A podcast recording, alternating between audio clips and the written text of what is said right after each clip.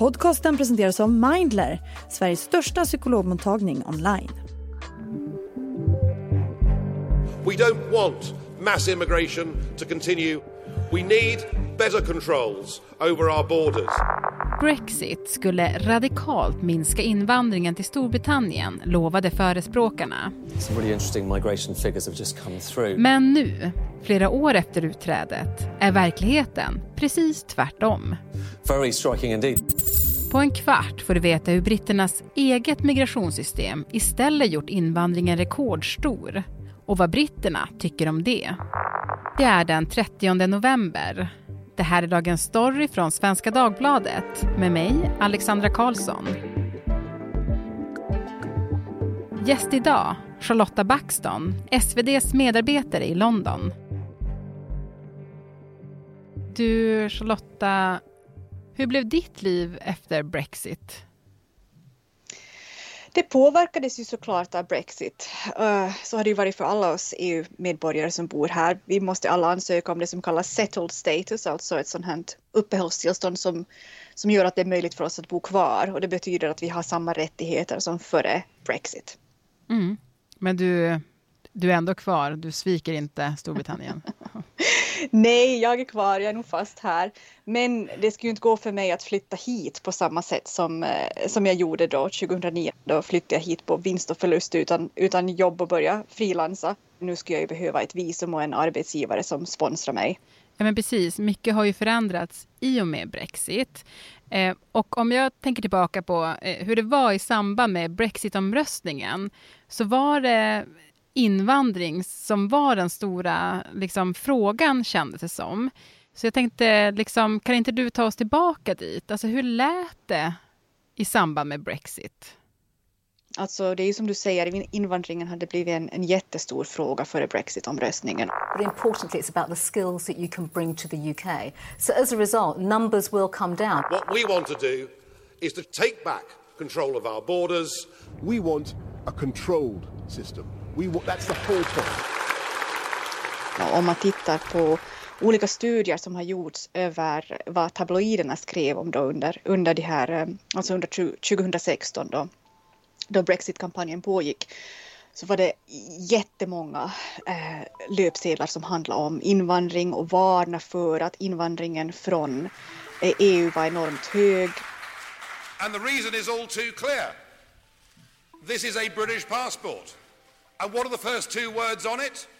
European Union. And this passport is available to 508 million people. Att Turkiet snart skulle gå med i EU och det skulle strömma in ännu mera invandrare till eh, Storbritannien. Och det var ju någonting som den dåvarande Ukip-ledaren Nigel Farage lyfte upp väldigt ofta. Och invandringen var en, en, en viktig fråga för britterna då. Det, det visar de flesta mätningar. Det var någonting de brydde sig väldigt mycket om. Mm. Varför var den så viktig då? Storbritannien var ett av de få länder inom EU som inte införde några begränsningar på hur många som fick flytta till Storbritannien från, eh, från de här nya eh, medlemsstaterna i Östeuropa. Och det innebar att, att väldigt många östeuropeer flyttade till Storbritannien under en ganska kort period.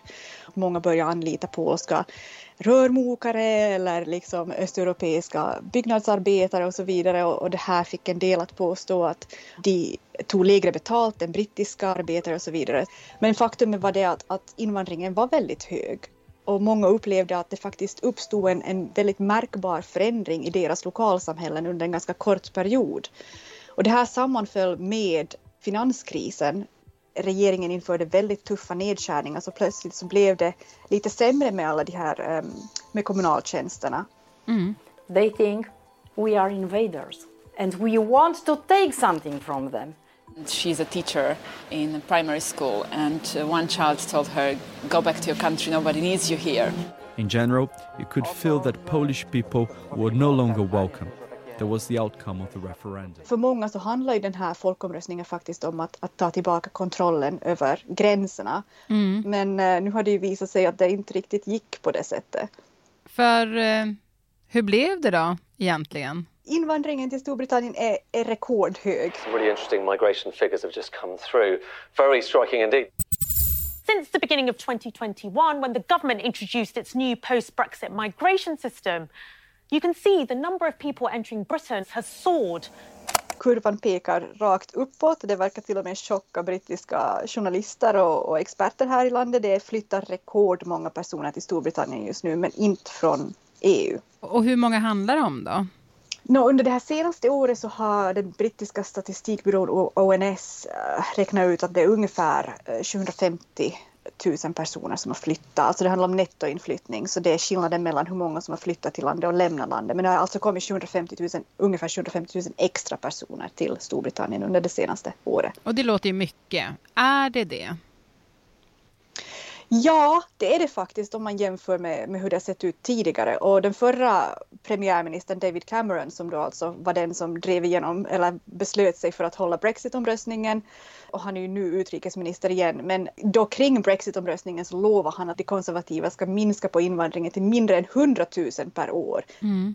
Och vi ska alldeles strax gå in på hur det har blivit så. Men först tänkte jag att vi ändå skulle stanna i eh, lite grann vilka det nu är som kommer. Du sa det är inte EU-medborgare. Vilka är det då som kommer till Storbritannien? Alltså under det här senaste året så har de flesta arbetsvisumen gått till invandrare från Indien, Nigeria och Zimbabwe. Och, och varför kommer de till Storbritannien då? Orsaken uppges vara att Ehm, de helt enkelt kommer hit för att, att eh, jobba inom vårdbranschen. Det råder en stor brist på arbetskraft inom vårdbranschen och eh, också inom eh, äldreomsorgen och ehm, det behövs helt enkelt personer från utlandet för att fylla de här arbetsplatserna. Storbritannien skulle inte klarat sig om man inte hade gett visum till de här personerna. Så, så är det. Drilling into the occupations, we can see that nurses and care workers dominate the skilled visa route. But chefs, accountants and management consultants are also coming over in large numbers. Det var någon här som skrev, eh, någon journalist som skrev att, att utan invandringen så skulle både vår matförsörjning och sjukvården helt enkelt kollapsa. Hade man inte kunnat förutspå det då innan Brexit? På sätt och vis. Alltså invandringen var ju hög också före Brexit därför att många flyttar hit för att fylla arbetsplatser inom sånt som, som säsongsarbete som liksom jord, jordbruket och sånt här och, och sjukvården. Och det här är ju en fråga som har diskuterats flitigt av politiker väldigt länge. Varför vill inte britter göra de här jobben? Vad kan man göra för att uppmuntra britter att, att fylla de här arbetsplatserna? Hur kan man utbilda britter på ett sätt så att det ska finnas tillräckligt med personal här? Och oppositionen Labour har ju nu riktat väldigt hård kritik mot de konservativa för att ha misslyckats med att just utbilda tillräckligt många britter. Hittills verkar ju ingenting annat ha fungerat än att invandringen fortsätter vara hög. Mm. Så man kan egentligen säga att det som har ändrats med invandringen sedan Brexit, det är att det inte är europeer längre som kommer till Storbritannien, utan det är andra grupper. Exakt. very clear that the levels of net migration are too high. They need to come down to more sustainable levels.